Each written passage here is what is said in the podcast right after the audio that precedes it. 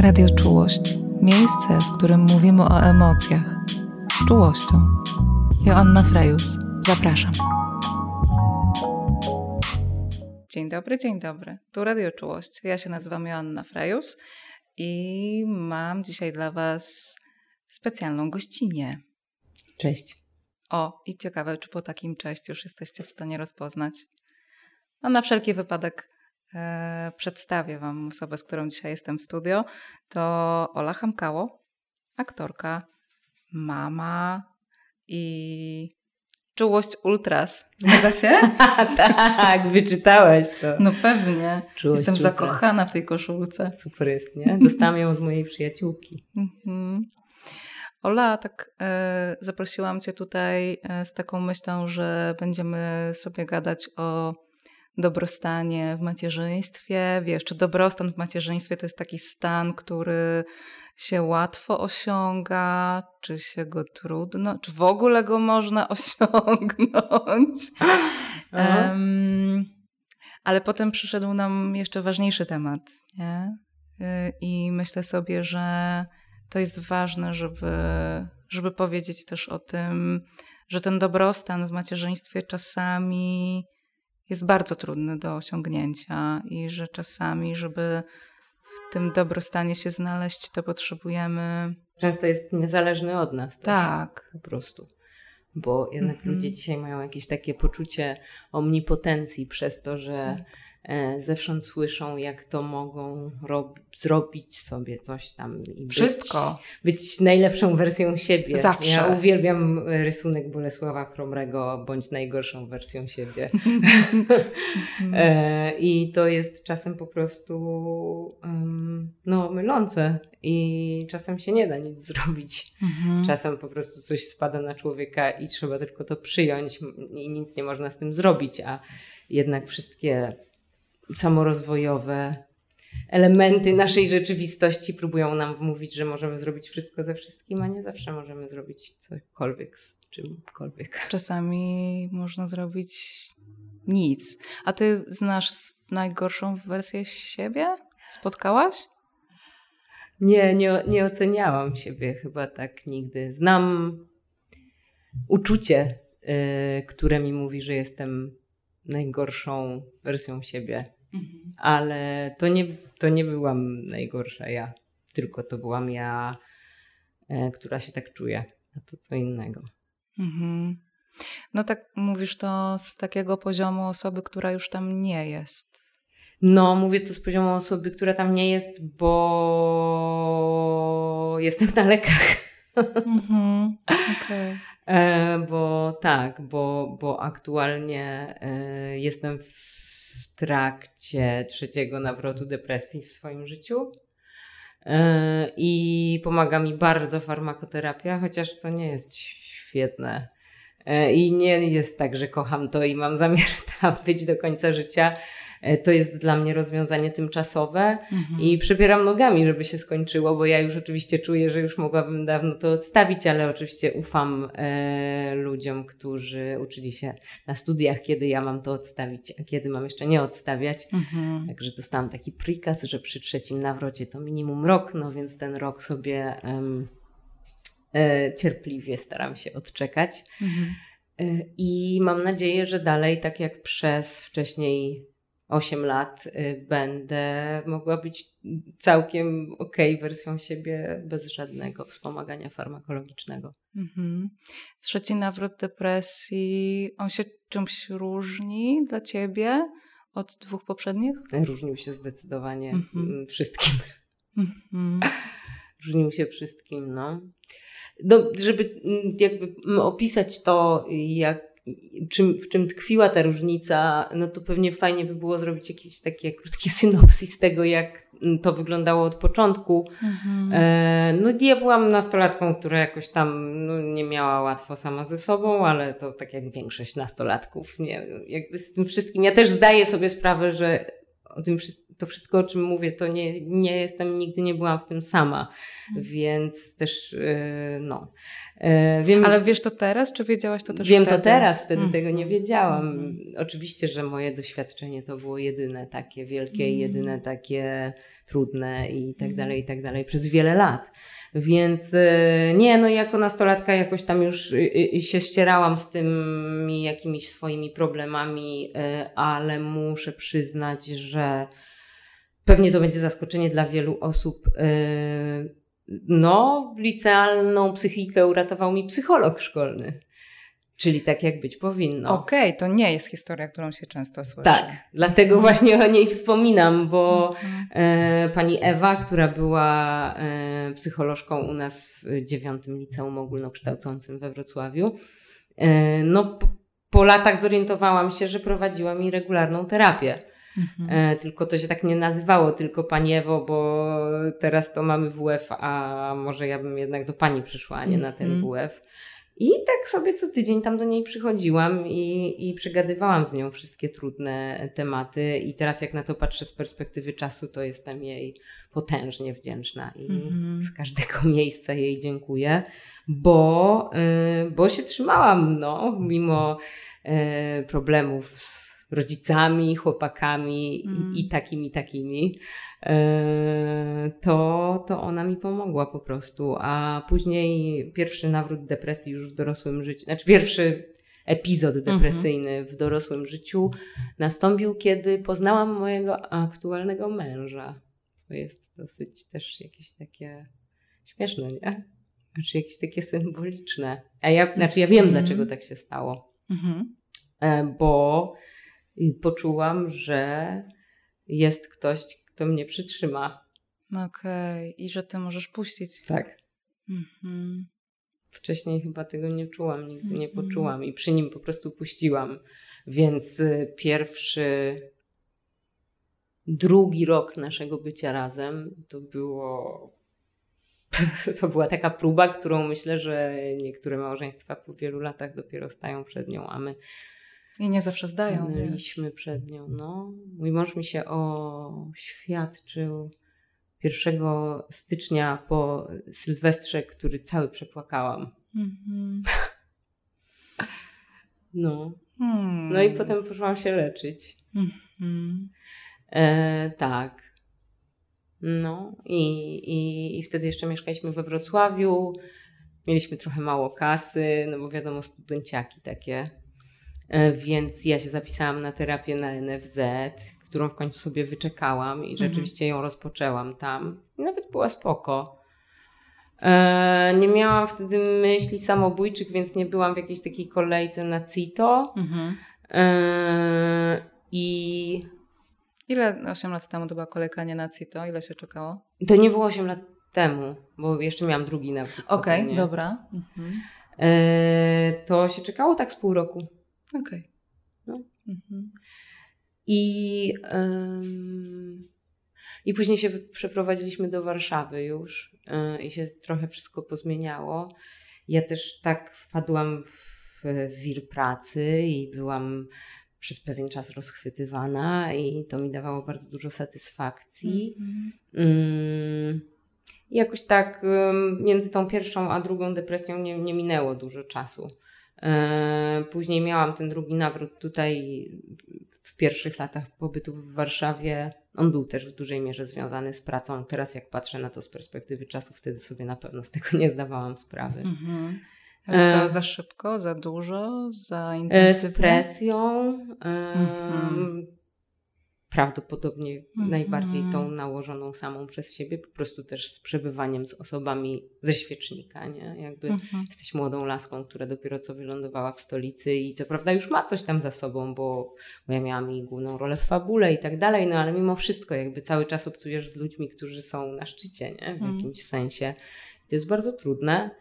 Ola, ale poczekaj, bo wiesz, wielu osobom to by po prostu sodóweczka odwaliła, nie? Ale ja nie wiem, co to znaczy. A ty poszłaś w drugą stronę. No. Jak wiesz co, nie chcę wchodzić w bo relacje rodzinne, bo okay. jakby to jest, no wiesz, to jest jakaś taka strefa, która jakby nie chcę nikogo tutaj mhm. ranić. E, to pewnie też ma jakieś tam znaczenie. Mhm. E, ale, mm, ale również e, doświadczyłam molestowania w pracy. Mhm. O czym nigdy nie mówiłam publicznie, bo to nie Ameryka. I nie powiem prawdopodobnie nigdy, ale doświadczyłam. I, no i miałam drugi nawrót i on był bardzo hardkorowy. Mhm. Tak. I, I wtedy długo szukałam odpowiedniej terapeutki. Od razu wskoczyłam też na leczenie, bo już wiedziałam jakby, że to mi nie zrobi krzywdy i że to jest w stanie mi Mówisz szybko farmakoterapii. Jakby... Tak, tak, tak, tak, mhm. tak. E, o, o, o lekach. E, I że to mi po prostu pomoże doraźnie, żeby sobie później pomóc jakoś samej. No i trafiłam na wspaniałą terapeutkę. E, w trakcie terapii odstawiłam leki i jeszcze byłam jeszcze, jeszcze, jeszcze jakiś czas w terapii. No i później już e, zaszłam w ciążę. Po urodzeniu dziecka skończyłam terapię i przez wiele, wiele, wiele lat Myślałam, że się wyleczyłam całkiem. Rozmawiałyśmy o tym y, wcześniej, jeszcze bez mikrofonów, bez kamer. Ach, właśnie, bo dla tych osób, które chciałyby nas też zobaczyć, a nie tylko usłyszeć, to dajemy znać, że można nas też zobaczyć na kanale y, YouTube o Matko Depresja. Tam jest też wersja tego podcastu z wideo. Okej. Okay. Mm. Rozmawiałyśmy jeszcze bez mikrofonów, bez kamer wcześniej o tym, że y, z depresją trochę tak jest, że ona jakoś zostaje w tym krwioobiegu, że jakoś jest. No, tak porównywałam to do alkoholizmu, tak, bo tak mi się trochę mhm. kojarzy to z tym, że można stracić czujność i po latach po prostu, a co mi tam jedno piwko nie zaszkodzi i obudzić tak. się tydzień później po prostu. Stracić czujność albo doświadczyć czegoś. Albo doświadczyć bardzo... czegoś, no bardzo trudnego i wrócić do tej ścieżki. Tak, i nagle się okazuje, znanej. że to jest tak łatwo tam dotrzeć do tej mm -hmm. wielkiej czarnej dziury i że ona jest tak kusząca. Mm -hmm. I że kiedy nic nie pomaga, to można do e, Hello da, Darkness, my old, old, friend się zwrócić e, po pomoc. I mm -hmm. no i rzeczywiście tak jest, więc ja trochę straciłam przez te, przez te pff, ile? Odstawiłam leki no, moja córka teraz no, przez te 8 lat. Mhm. Mniej więcej straciłam czujność. Mhm. Dlatego ten nawrót był zupełnie inny, ponieważ on się charakteryzował zdecydowanie mniejszą gwałtownością. Wtedy okay. przy tym drugim nawrocie, który był taki najbardziej chyba intensywny, no on, one dwa mi się tak trochę zlewają w jedno, te pierwsze dwa tam był duży taki komponent nerwicowo-lękowy. Mhm. Mhm. Że e, tak, i, i więc to było takie na zewnątrz widoczne też mm, mocno. Nie? Mhm. A teraz tak nie było. Teraz jakby ja to wszystko trzymałam, no bo były dzieci przecież, a jedno z nich było małe i one są zależne ode mnie i, i to w ogóle się nie odezwało, nie? Bo nie wiem, bo, bo ja już wydawało mi się, że, bo też może miałam po terapii, wiesz, jakieś narzędzia do tego, żeby te takie najbardziej gwałtowne, te takie najbardziej ewidentne pierwsze objawy mm-hmm. jakoś dusić w zarodku. Nie mówię, że dusić, że zaopiekowywać. sobie, tak, zaopiekowywać. Mm-hmm. Więc jakby wszystkie te takie z wierzchu rzeczy ja potrafiłam rozładowywać mm-hmm. i ale to coś pod spodem jakby, to, to się długo kotłowało. To się z rok kotłowało. Okej. Okay. No. Powiedziałaś coś takiego, że straciłaś czujność przez te 8 lat, kiedy e, no idąc tym porównaniem jakoś byłaś w remisji, nie? No tak. I że straciłaś czujność. Co to znaczy dla ciebie? Hmm. To znaczy, że wydawało mi się, że w taki sposób prowadzę swoje życie i, yy, i są takie okoliczności tego, co mnie otacza, na tyle dobre mhm. i sprzyjające mi, że nie ma takiej opcji, żebym kiedykolwiek pomyślała, że nie warto żyć. Mhm. Albo że życie jest za trudne do przeżycia okay. po prostu kolejnego dnia. Mhm. No jak o tym mówisz, to, yy, to jakoś to jest dla mnie taka kwintesencja depresji, nie? że właściwie z dnia na dzień potrafi się zadziać taki proces. Że... Teraz jak to powiedziałaś, to mhm. też jeszcze jedna różnica mi przyszła do głowy. Podczas tych dwóch pierwszych e, epizodów dużo, bardzo wieszałam na sobie Aha. i siebie bardzo nie lubiłam. Mhm. To się wiązało z kompleksami, z jakąś nie nie, nie, niezaopiekowanym poczuciem wartości, nie do końca rozwiniętym, z jakimś brakiem realizacji, nie wiem, jeszcze zawodowej i tak dalej. Mhm. E, I no i tam było bardzo dużo nienawiści w stosunku do samej siebie i -hmm. pogardy w stosunku do samej siebie, braku czułości właśnie w mhm. stosunku do samej siebie. Taki A trochę bagaż, z którym wychodzimy z domu często, nie? To tak się zdarza, chociaż oczywiście to nie jest tak, że nie zawsze rodzice muszą nam jeden do jeden przekazać no, taki pewnie. sygnał. Tak, to się tak. może zadziać całkiem dookoła. Oni tak. mogą codziennie mówić nam, że nas kochają, a finalnie to są, znaczy ty jako psycholog wiesz to najlepiej, że jakby to są takie ścieżki bardzo kręte, to nie, to nie są takie jeden do e, jeden. jeden do jeden, że jak coś się stanie A, to potem się stanie B, mm -hmm. to, to może naprawdę być zaskakujący jakby efekt jakiegoś działania. Tak. E, a teraz tego nie było zupełnie. Mhm. Mm, ja bardzo siebie ceniłam i bardzo jakby uznawałam za, za duże to, co, to, co udało mi się do tej pory dokonać, to jakby jak y, się osadziłam w swoim życiu jakimś finansowym, zawodowym, takim domowym, to jak dałam radę urodzić dwójkę dzieci bez znieczulenia i, i, i, i bardzo wiele rzeczy, jak, jakby jaki mam związek z moim mężem, który jakby jesteśmy kupę lat razem i to też jest praca i, i ja to wszystko widziałam i doceniałam mhm. i e, paradoksalnie miałam takie poczucie, że i chodziłam, i chodziłam po różnych specjalistach w ogóle z tym poczuciem, że coś, że stoję na progu jakiejś potężnej zmiany, mhm. która prowadzi mnie do czegoś lepszego, mhm. że ja już mam to wszystko, czego nie miałam wtedy, te 7 czy 8 lat temu, mhm. i że ja już chcę to wszystko wziąć i tam pójść. I już się już cieszyć już. Tak. Już być w tej pełni takiej szczęścia, tak. bez tego cienia takiego. Tak. No. Mhm. I że już chcę przeskoczyć to. Mhm. I nie mogłam tego przeskoczyć. Mhm. I cały czas miałam takie poczucie, Boże, Boże, przecież wszystko jakby jest okej, okay, musisz tylko, tylko zrób ten krok, po prostu mhm. wejdź tam w to życie tej dojrzałej, dumnej, spełnionej kobiety. Mhm. Ono tu jest, widzisz, jakby ty na nie zasługujesz, jesteś mądra, mhm. jesteś, e, ogarniasz i po prostu wejdź i weź. Takie trochę wiem, ale nie zawsze to czuję. Że wiem, że jakoś to niby jest ten moment, tak się rozglądam i no przecież właśnie to wszystko jest. Tak. Nie? Tylko teraz, kurde, jak mam to poczuć? No, jeszcze nie czułam, że tam jestem po no. prostu i każdego dnia miałam coś takiego, że no już jesteś gotowa, masz bilet, wsiadaj do tego pociągu. Aha. Już masz dwójkę dzieci, masz, masz dom, męża, wszystko masz, fajnie jest to. Jakby mhm. wiadomo, że są problemy. Każdy ma problemy mhm. jakieś tam. Raz jest fajniej w tak. małżeństwie, a gorzej w pracy. Raz jest Dobrostan... gorzej w pracy, a trudniej tak. w małżeństwie. No Dobrostan jakby... nie jest od tego, żeby, żeby wszystko było super. Jasne. Nie? To jest nie Ale jakby zasadniczo ja do siebie nie miałam żadnych pretensji Aha. wtedy, tylko nie mogłam wejść do tego pociągu. Aha. I stałam na, na tym peronie po prostu miesiącami i już byłam bardzo sfrustrowana.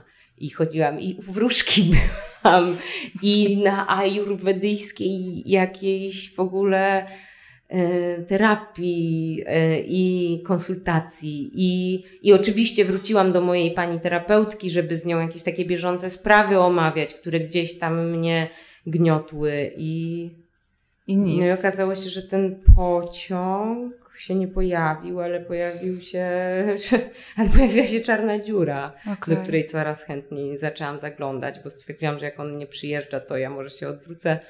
A, a tam na mnie czekała stara koleżanka, mm, taka, niewidziana od lat. No, taka dobrze znana, taka. No, lepszy wróbel garści niż gołąb na dachu.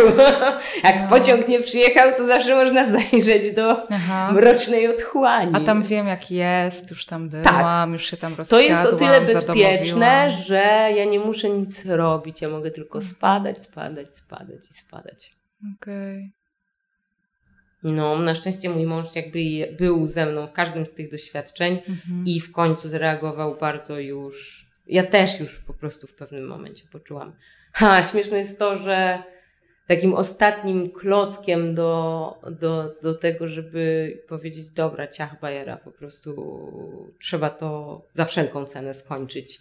I chociaż marzyłam o tym, że już nigdy nie będę musiała brać leków, mhm. Mm, to, to prawdopodobnie będę musiała teraz wziąć. Mhm. E, była książka Jak pokochać centra handlowe. No, Natalii. Aha. I od dawna ją chciałam przeczytać. Już wiele, wiele lat. Mhm. Słyszałam o niej, ona gdzieś tam ten. I tak mówię, o, taka książka Niby o depresji poporodowej. Przecież ja nie mam depresji poporodowej. nie mam depresji poporodowej, komu? Jak, no, depresja poporodowa to jak tam nie kochasz swojego dziecka tak, i coś tam tak. nie dajesz rady mu zmieniać pieluch. No jakby tak. ja wszystko ogarniam. Jak przecież. odrzucasz w ogóle Tak, tak, tak. Przecież totalnie mam się wyprowadzasz. Mhm. Ja nie mam depresji poporodowej. I przeczytałam tą książkę i miałam takie... Teraz mam ciarki, jak mhm. sobie o tym pomyślę depresja nie jedno ma imię po prostu, nie? Mm. Wiesz, Ola, myślę sobie o tym, że nie wiem, jak ty to czujesz, ale ja zawsze, po pierwsze, bardzo jestem blisko tego, co powiedziałaś, że tak marzyłaś o tym, że wiesz, nie wrócisz no. do tego miejsca, tak. że już nie będzie tych leków, że już ta terapia, że no. Jezu, już wszystko, ta, ta, ta po prostu ta, ta podszewka na, na lewą stronę, wy, wy, po prostu te nerwy co, no, na wierzchu. Nie wiem, już... czy to dobrze, ale ja nie wróciłam do terapii. Aha, ale jakby rozumiem to pragnienie, nie? No. Że po prostu ja sama mam ze sobą doświadczenie takiej remisji mhm. e, siedmioletniej, Mhm. No, to tak jak ja. No. no i mam takie, tak, tak sobie myślę, wiesz, jak w związkach, nie? Mówisz, że siódmy rok tak, tak. I mam taki, e, i bardzo jakoś to e, zarezonowało, jak ty to powiedziałaś, że marzyłaś o tym, że, że już e, odstawiając te leki, wiesz, kiedyś tam w którymś momencie, że zazwyczaj robimy to z taką myślą, tak, nie? Już, Dobra, koniec. już po prostu koniec, już już teraz wiem, już po prostu jestem po tej terapii, ja już się tak naumiałam, już tak, już tak wiem, już teraz tak zadbam o siebie, będę czujna no. i już na bank nie wjadę w ten pracoholizm, już się nie dam, nie wiem, wykorzystać nikomu, no. już po stres mnie nie tak, stres mnie nie zje, będę medytować, e, uprawiać jogę regularnie, dzieci, tak, jeść zdrowo, jak urodzę dziecko, okej, okay, ja wiem, że jestem w grupie ryzyka, więc już tak zadbam o siebie, mm. po prostu mój połóg, to będę tylko leżeć i po prostu pachnieć i będzie wspaniale, będę miała wszystkich do pomocy, bo przecież wszyscy wiedzą, że, yy, że jakoś było mi trudno, więc że trzeba mnie wspierać i że to się po prostu musi udać, że ja już nie chcę tam wracać, już nie chcę się bać, wiesz, wyjść na balkon, bo nie wiem, co zrobię. Nie? Mm. I mijają te lata i one cię tylko w tym utwierdzają. No tak, no bo jest Rok, dobrze, nie? dwa, pięć i myślisz sobie, ha, nie? Ogarnęłam to, jestem wolna. Mhm. Wiesz, no też czynniki zewnętrzne też się przyczyniły. Ja nie wiem, czy gdyby nie wydarzyło się w czasie mojej ciąży i połogu, to y, różne sytuacje, które się wydarzyły, y, umarł mój ojczym na nowotwór y, i to było bardzo dramatyczne wydarzenie w naszej rodzinie.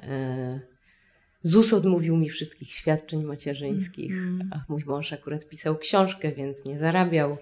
E, a ja zostałam po prostu bez kasy. I, mm. No i to było wszystko jakieś tam e, strasznie trudne. Więc nie wiem, być może by się udało bez. Być może już bym naprawdę tego nie doświadczyła, ale nigdy się tego nie dowiem, bo życie takie jest. Ono po prostu tak. Po prostu takie tak. jest, każdemu się coś tam przytrafia. Tak. O tym nie? pomyślałam, że jakbyśmy się powiesiły w takich, wiesz, ramkach na tak, ścianie. to na tak pewno tak nigdy nie miałybyśmy byśmy depresji. Nie miały tej depresji, Dokładnie. Nie? Ani żadnego nawrotu. No, no więc, y, więc no, kurczę, to było takie dziwne, przeczytałam tą książkę i pomyślałam, okej, okay, dobra, to jednak jest to mnie. Aha. Myślę sobie też o depresji poporodowej, że to jest jednak świnia, nie? że ona przychodzi w takim momencie, yy, kiedy większość osób się jej najmniej spodziewa. I ona zostawia taki bardzo gorzki posmak, nie? Nie wiem, czy, czy też to jakoś czujesz. Że... Co, ja jakoś ciężko mi jest nazywać tę depresję depresją poporodową. Mhm. No. Bo tak rzeczywiście ona jakby wystąpiła po porodzie, mhm. e, ale dużo rzeczy występowało po porodzie, a nie jest wcale związanych z tym, że rodziłam. Mhm. No. I rzeczywiście to może... Masz rację, że to bardziej o tym, że to, ta depre... że to jest depresja matki. Po prostu, no. no. E... Rzeczywiście ona coś mi zabrała, a... Czas przede mhm. wszystkim. Teraz jak... Yy... Teraz mam wrażenie, że mam o wiele więcej czasu, które mogę poświęcić różnym rzeczom, ale między innymi... A często na pierwszym miejscu swoim dzieciom. A wtedy ten czas mi jakoś tak mijał na. No, chciałam, żeby on minął po prostu. Tak. Nie? Mhm. I mijał, mijał, ale to jeszcze niech nie ten był dzień ten. Się, niech ten dzień, niech się, ten już dzień się już skończy. No. Mhm. To jest trochę jak z bólem głowy. Jak się kładziesz spać z bólem głowy, i myślisz sobie, dobra, dobra, dobra, idę spać, już niech ten dzień się skończy, yy, obudzę się rano, będzie lepiej. I budzisz się budzisz rano się, i nadal cię boli. Akurat często mnie bardzo głowa nie boli, więc na szczęście jeszcze tego by brakowało. Ale tak, tak, to jest to, niech ten dzień się skończy, budzisz się. No i takie moje, no i to też kiedy to się zaczęło dziać i kiedy to się wydarzyło jakiś taki czwarty, piąty raz, to też już był taki sygnał, taka mega czerwona lampka i to już byliśmy bardzo blisko tego, że dobra mm -hmm. psychiatra, cześć i trzeba to ogarnąć, że budziłam się rano i jeszcze żadna myśl się nie pojawiała w mojej głowie, w sensie otwierałam oczy, cześć i, i zaczynałam płakać. Okej. Okay. Co jeszcze się działo? Co cię na ten tor w ogóle tak wrzuciło? No nie, no to był już tak, ta książka. Mhm. Mój mąż, który mi powtarzał już od jakiegoś czasu Olka, weź Olka. Ja Coś byłam wściekła dzieje. na niego. A, okej. Okay. Ja Dlaczego? byłam wściekła na niego, bo... Ja sobie tak radzę, tak ogarnam rzeczywistość, a ty mi sugerujesz? Mm, nie, bo on nie jest typem depresyjnym, ale to trochę jest z tym alkoholizmem podobne. Teraz jak o tym rozmawiamy z jakimiś przyjaciółmi i tak dalej, to on mówi, ja byłem współchory. Aha. Więc on w jakimś sensie też miał tę depresję ze mną. Mhm. Wiesz o co chodzi? Tak. I ja mu mówiłam, a może to ty byś w końcu poszedł do psychologa? Mhm. Przecież nigdy nie byłeś. To ja jestem po terapii, to ja czytam te wszystkie książki, e, rzeczy, które musimy porzucić. E, Joan, ta, e, Wojdyło, jak ona ma na imię, mhm. bo jesteś człowiekiem, mhm. to, tamto, mam całą, przecież to, to, to ja ten To ja jestem ta wyedukowana i to ja tak dbam i to ja to, jestem ta tak. czujna, żeby tej, tak. tej depresji nie To ja jestem po terapii, to, to może ty zobacz, czy z tobą jest wszystko w porządku, może to mhm. teraz jest twoja wina, a nie moja. Okay. Myślisz, że to było o tym, że tak bardzo chciałaś tego nie mieć? No. Mhm tak strasznie chciałam tego nie mieć znowu. Okay. No. Mówisz o takiej ważnej rzeczy, że y, jak masz depresję i jesteś w relacji, to że to, że to poczucie winy się pojawia jakoś, nie? Że no, kurde, że, że to jest jakoś, że ty masz świadomość, że to jest obciążające dla tej drugiej osoby jakoś i to przynosi poczucie winy. No. Y, myślę, że dla niektórych osób to też przynosi strach, jakiś lęk. Lęk przed porzuceniem tak. też, nie? No, no bo takie rzeczy się też zdarzają. Wiem, no. znam, pamiętam, doświadczyłam. Doświadczyłaś? Tak, kiedyś y, miałam taką dosyć świeżą relację i y, miałam epizod depresji i nigdy nie widziałam, żeby ktoś tak szybko, szybko. się wyprowadzał. no to widzisz, to ja jestem szczęściarą na maksa, nie? Mm. Ja się nie bałam nigdy, że mój mąż mnie porzuci z tego mm. powodu. Może dlatego, że e, rzeczywiście dostaliśmy taki shitload niezły na samym początku mm. i mhm. jak on sobie z tym poradził i no jakoś tak, nie wiem, bardzo się kochamy. E, poza tym ja mam, oprócz tego, że mam depresję czasami, to mam bardzo dużo różnych fajnych zalet. się bardzo podoba. Wiesz co, są takie y, y, czasami, wiesz co, ja tak sobie czasami myślę, że ta depresja to jest... Y, to w ogóle nie jest, wiesz, wada, że ta, ten, ta, ta tendencja do tego, żeby reagować na różne bardzo trudne doświadczenia y, tym, że no, trochę się odwracasz do tak, tej, tego ciemnego kawałka swojego, to, mm, to dla mnie to jest trochę jak z traumą, że to jest po prostu jakoś uzasadniona, naturalna reakcja na coś, co się wydarza i dotyka osoby, która jest bardzo wrażliwa po prostu na to, która ma jakieś takie miejsca um, odkryte, takie wiesz, nieopancerzone i trochę inaczej jak inne osoby, które mają inne doświadczenia e, z wcześniej, to akurat tych miejsc nie potrafi obronić, ochronić. Nie wiem, wiesz, yy, każdy, nie każdy, bo są tacy szczęściarze, których warunki wychowania mm. i były jakoś tak zrównoważone, tak sensowne i tak nienarażone na po prostu zachwiania i mm, trudy. Tak, i ich temperament mm, tak gdzieś wyposażony w odpo- mm, Oni właśnie zostali jakoś tak niską neurotyczność. wyposażeni przez życie, że może nie potrzebują tego, o czym chcę zaraz powiedzieć, mhm. ale de facto większość osób, które w swoim życiu poznałam, mają jakieś e, drogi ucieczki. Mhm, no pewnie. I te drogi ucieczki często bywają niekorzystne dla dróg życiowych. To się w psychologii nazywa nieadaptacyjne style radzenia sobie. no dokładnie. No. No. to moim zdaniem depresja jest trochę właśnie nieadaptacyjnym stylem radzenia sobie. Myślę sobie, że depresja wynika z tego, że mamy takie właśnie nieadaptacyjne strategie, czyli mamy jakieś takie unikowe strategie, e, e, strategie e, takiego lękowe. lękowe no bo często ta depresja jest siebie. połączona z tą, z tą tak. nerwicą lękową, nie? Z takim... Tak. Nie zawsze, ale tak, nie, rzeczywiście. Ale Depresja i lęk się lubią. Lubią tak pod pachę złapać. Tak, tak, no. no. Więc, no, ale tak w ogóle, żeby jeszcze trochę wrócić do tego, co wcześniej, to yy, wiesz, to nie... To jest takie obnażające bardzo, że jestem osobą publiczną, nie? Hmm. Jednak i jestem tutaj i opowiadam o takich rzeczach bardzo intymnych jednak. Nie wiem, co mi tam zostawisz po autoryzacji, ale tak. E, prawdopodobnie wszystko, ale um, też jestem tu, bo też sama się czasem na, jakby nadziewam na jakieś takie swoje własne myślenie e, i, i ta normalizacja, która jest teraz słowem odmienianym przez wszystkie mm -hmm. przypadki, jest dla mnie ważna. -hmm. Normalizacja depresji, bo my mówisz depresja i widzisz osobę, która jest smutna. Tak. Owszem, to są jakby takie epizody, ale ja śmieję, że ja jestem po prostu najradośniejszą osobą z depresją ever, nie? Mm. W sensie ja potrafię się tak bardzo cieszyć życiem, że czasem sobie myślę, że ta depresja to jest po prostu tylko jakaś równowaga.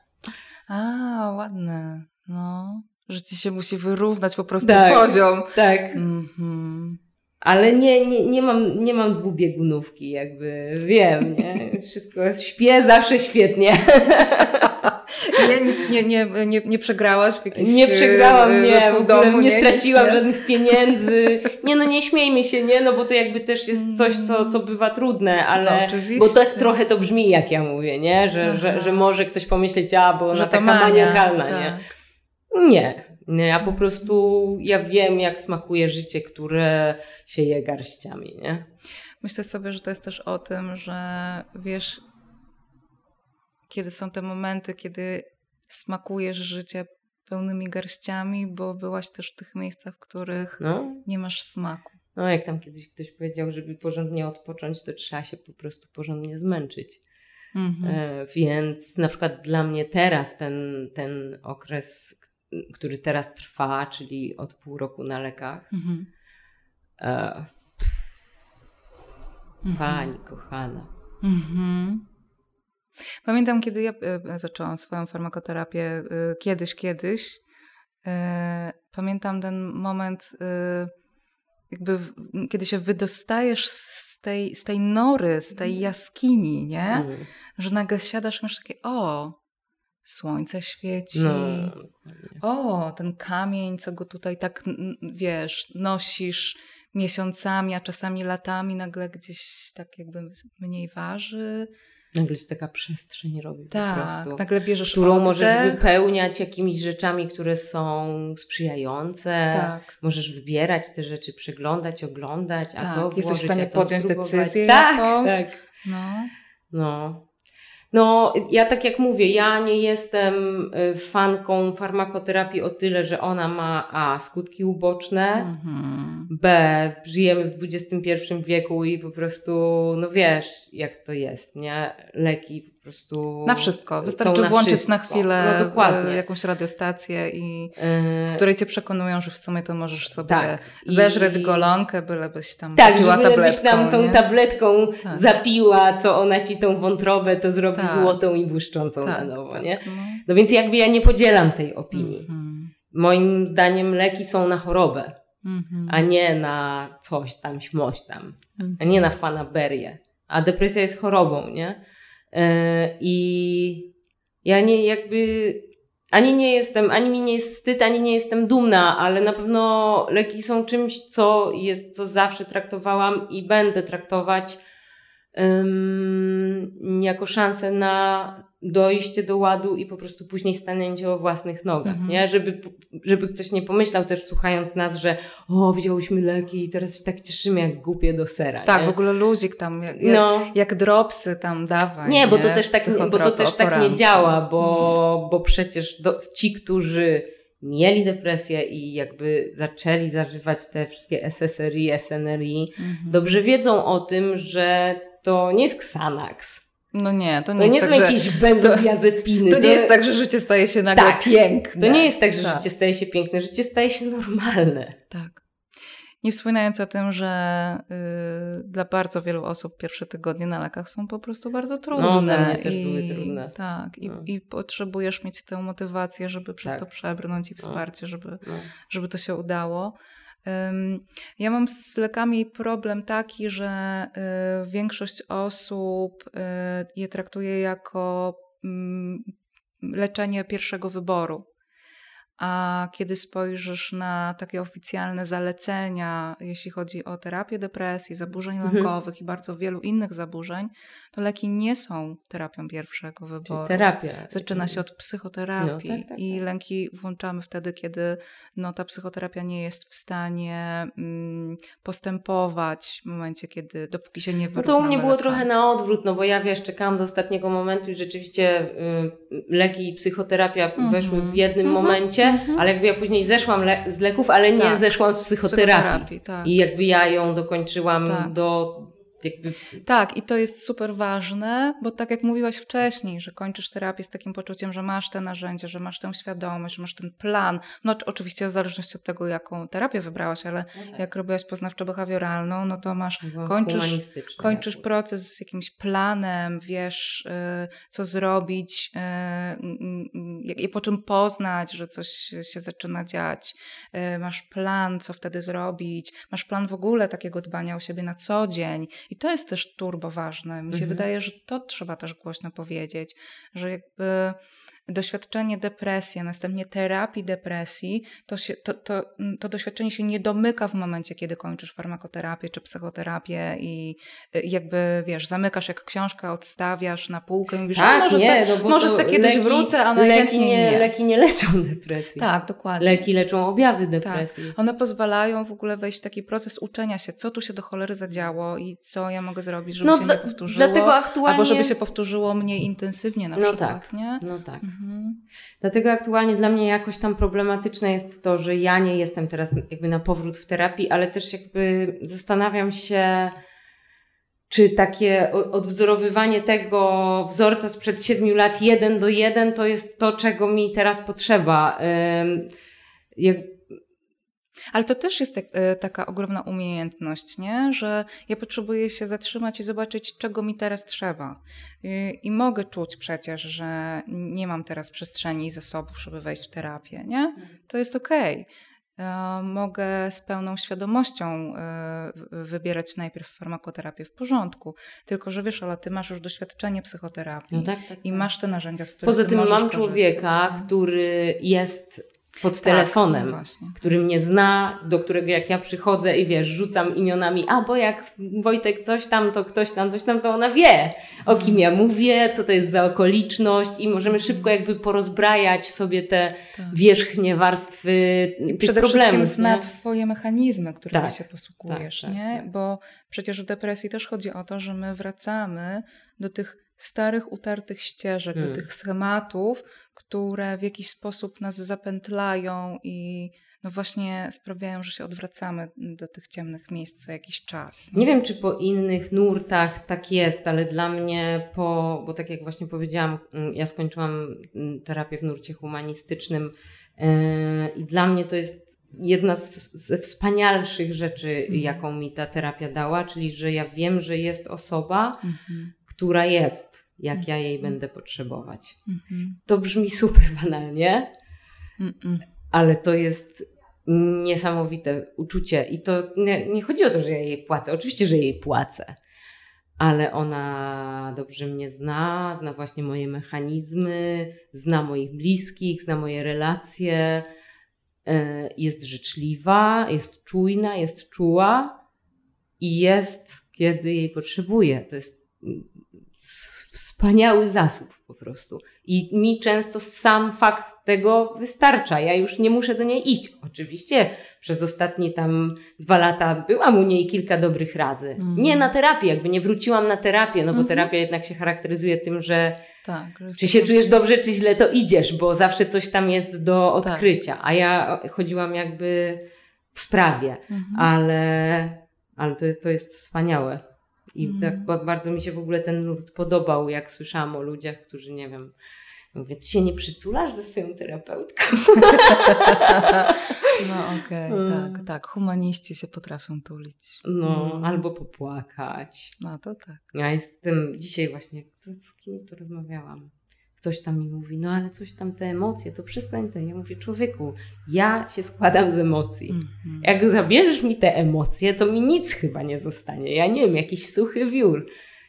Dla mnie taka brak responsywności emocjonalnej, a byłam przez 9 miesięcy w klasycznej terapii, -hmm. to był jakiś koszmar. Ale czyli w psychodynamicznej? No tak, tak. Klasycznej, tak. Okay. Mm -hmm to był jakiś koszmar. Mm. Ja myślę sobie, że to jest trochę też tak, że potrzebujemy dobrać nurt terapeutyczny do siebie. Tak, nie? to prawda. Do swoich no, no, no. potrzeb, do swoich, um, do jakiejś swojej wizji też mam wrażenie, tego jak ta terapia powinna wyglądać, do tego czego ja chcę od terapeuty. Nie? Tak, aczkolwiek ja na przykład leczące. nie poszłam tą drogą, bo ja poszłam drogą castingu na terapeutę. Nie, bo byłam, bo poszłam jakby będąc w bardzo złym stanie, Aha. poszłam do terapeutki poleconej mi przez kogoś. To był totalny niewypał, o czym byłam miałam odwagę powiedzieć jej po dziewięciu miesiącach chodzenia do niej. Okay. Więc trochę się wymęczyłam. Kurczę, jakie to jest ważne, żeby to powiedzieć, że ludzie Trochę jak to wam, tak jest. Tak, jak wam nie pasuje, to uciekajcie. No, tak pasu... samo jak z chłopakiem, Nie, nie uciekajcie, nie? tylko y, wnieście to, wnieście to, że potrzebujecie czegoś innego, przegadajcie to i naprawdę macie prawo to zmienić. No. Bo z tym uciekaniem to bym uważała, bo czasami tak, nie wiadomo, no czy bo uciekamy przed terapeutą, nurtem, czy przed, czy przed swoimi doświadczeniami. Tak, tak ale... E, ale y, to naprawdę jest czasami tak, że trochę to jest taki to jest casting, tak, że... że... ja potrzebuję tak. odwiedzić kilka miejsc z kilkoma osobami, spróbować nawiązać relacje, żeby mhm. znaleźć tę, która rzeczywiście mi przypasuje. No. To jest w porządku, nie? Tak, tak. tak I jak zawsze to y, mówię osobom, które no. do mnie przychodzą gdzieś tam, słuchaj, bo ja się zastanawiam, może by na terapię, mówię, masz ode mnie jeden numer, masz jakiś taki numer tej, co u mnie przegrała też casting, weź jeszcze od kogoś, tak. idź do trzech terapeutów. W Google jest tam na znanym raz. lekarzu. Jeszcze. Tak, cokolwiek. Idź jeszcze Zapytaj raz na grupie na prostu, fejsie. Wiesz, no już trudno, no wybulisz tam za te kilka wizyt pierwszych. Już trudno, ale jest to tego warte. Lepiej niż za dziewięć miesięcy z no, kimś, kto No właśnie, to lepiej wybulić za kilka pierwszych wizyt niż dziewięć miesięcy, wiesz już nie chcę brzydkich słów. No dobrze. E, no i, i, i, i zobacz, czy jest tam ktoś, przed kim się po prostu otwiera Twoje serce, nie? O, no tak. No. Ola, wiesz co, ostatnia rzecz, o którą chcę Cię zapytać. Mm, często jest tak, że jak trafiają do mojego gabinetu mamy, hmm. które doświadczają objawów depresyjnych albo po prostu mają diagnozę depresji, albo przeszły depresję, wyleczyły depresję, wyszły z niej, e, ale wracają, bo mają poczucie winy. Mhm. Mają taki kawałek w sobie takiego przekonania, że ta depresja w jakiś sposób e, im coś zabrała z mm, relacji z dzieckiem, że mm, powinny się jakoś czuć winne temu, że tę depresję e, w ogóle miały, że mm, że ta depresja macierzyńska y, ma ten dodatkowy gorzki posmak, że ona się nam jakimś takim, wiesz, nalotem kładzie, tak, jakiś taki, tworzy jakąś taką warstwę poczucia winy na tej naszej relacji z dzieckiem. Ja, y, zresztą rozmawiałyśmy o tym, ja Ciebie jakoś tak y, znam i czytam jako osobę, która mm, tego poczucia winy nie przeżywa i... To prawda. No. I chciałam Cię zapytać, jak Ty to robisz? No. Jakbyś miała powiedzieć coś tym matkom, które wiesz, siedzą, słuchają nas i sobie myślą, Boże, ja mam depresję. Bo to jest taka to trochę, to się wiąże, wydaje mi się, to właśnie z taką wizją świata, który może być idealny. Aha. A świat nie może być idealny. Mhm. Ani świat nie będzie idealny, o czym świetnie wszyscy wiemy. Teraz jeszcze bardziej. Mhm ani ludzie nie są idealni. Tak, ani my w tym świecie. Ani my w tym świecie mhm. nie jesteśmy idealni. I e, wydaje mi się, że jak się oczekuje w jakiejkolwiek dziedzinie życia tej, tego takiego perfekcjonizmu, to się robi taki strasznie duży rozdźwięk czasami między tym, co my oceniamy jako niefajne, mhm. a tym, co oceniamy jako fajne. Mhm jak często rozmawiam z ludźmi o różnych sprawach, to mówię, kurde, po prostu nie, no to się nie da, to jest skala szarości, nie? Mhm. Nie ma czarnego i nie ma białego. W mhm. każdym z nas jest jakaś, jakaś skala i. Jakaś jasność, jakaś ciemność. Jakaś jasność, jakaś ciemność, i teraz te dzieci, które nam się urodziły, pomimo tego, że one nam się wydają idealne, to one też nie są idealne i nie będą. I jako dorośli będą popełniać błędy i czasem będą niefajni. Albo będą kogoś krzywdzić, albo będą przez kogoś skrzywdzeni i coś się w nich zrobi takiego, co im zburzy i później przez to będą błądzić i trzeba ich ja mam takie poczucie i też mój mąż ma takie poczucie, bo ja o tym nie myślę, kiedy na przykład rozpaczam mm. i widzi to moje dziecko, no to wtedy to tym się zajmuje mój mąż. E, ale gdzieś no, mamy wspólną stronę w tym, że dzieci trzeba sobie, e, dzieci trzeba nauczyć radzić sobie z tym, że nic nie jest idealne. I że mama też przeżywa czasami trudne emocje. I że one czasami same no przeżywają oni, trudne oni emocje. Oni też, no wiesz, no mam takie wrażenie, że jeżeli pokażesz dziecku perfekcyjny świat przez 18 lat, po czym ono zderzy się po prostu jak łbem w mur mhm. ze światem który wiemy dobrze, jako, jaki jest, bo my możemy go zasłaniać, ale my go nie schowamy, on tam jest, on jest do dupy bardzo często, jest mm. trudny i w ogóle wszyscy są pokiereszowani. To jak on sobie poradzi? Mm. Będzie żyć cały czas w jakiejś takiej fikcji tego, że ono oczekuje od partnera, żeby był świetny, od siebie, żeby i to już jest po prostu pro... i to i wpada prosto w depresję, nie? Tak, bo to jest jakoś o tym, że jest ten świat zewnętrzny, który jest bardzo różny i często jest do dupy, ale też yy, że jest jakiś świat wewnętrzny i jeżeli my. Który jakoś... to jakby on też ma prawo czasem działać świetnie, tak. bo moje dzieci jednak większość czasu widzą mnie, kiedy ja ogarniam. Jestem tak. w dobrym nastroju, jestem w stanie znieść ich fochy po raz piąty i pięćdziesiąty. Mhm. No ale raz na ruski rok i mi się zdarzy zobaczyć mnie, kiedy jestem w złym stanie. Mhm. Widziały to. Mhm. I myślę, że miały szansę się nauczyć, że każdy ma prawo być smutny, że każdy ma prawo doświadczać trudności i że każdy i każda mamy też zasoby, żeby sobie z tym radzić. Mhm. I że nie ma miejsca, z którego nie ma powrotu. Mm. Dzięki, Ola. Ola Hamkało była dzisiaj gościnią Radia Czułość. Ja już nawet nie wiem, co. Ja już nie pamiętam, co ja tam na koniec mówię. W ogóle już, e, no, chcecie wyściskać. dziękuję, że przyszłaś. Dziękuję za tę osobistą opowieść. Dzięki. I no, teraz, teraz ja mam ciarki. Fajnie, cieszę się. Dzięki za zaproszenie. To było Radio Czułość. Jeśli chcesz więcej, zajrzyj na mój profil na Instagramie o matko depresja albo na mojego bloga pod adresem www.joannafrejus.pl. Do usłyszenia.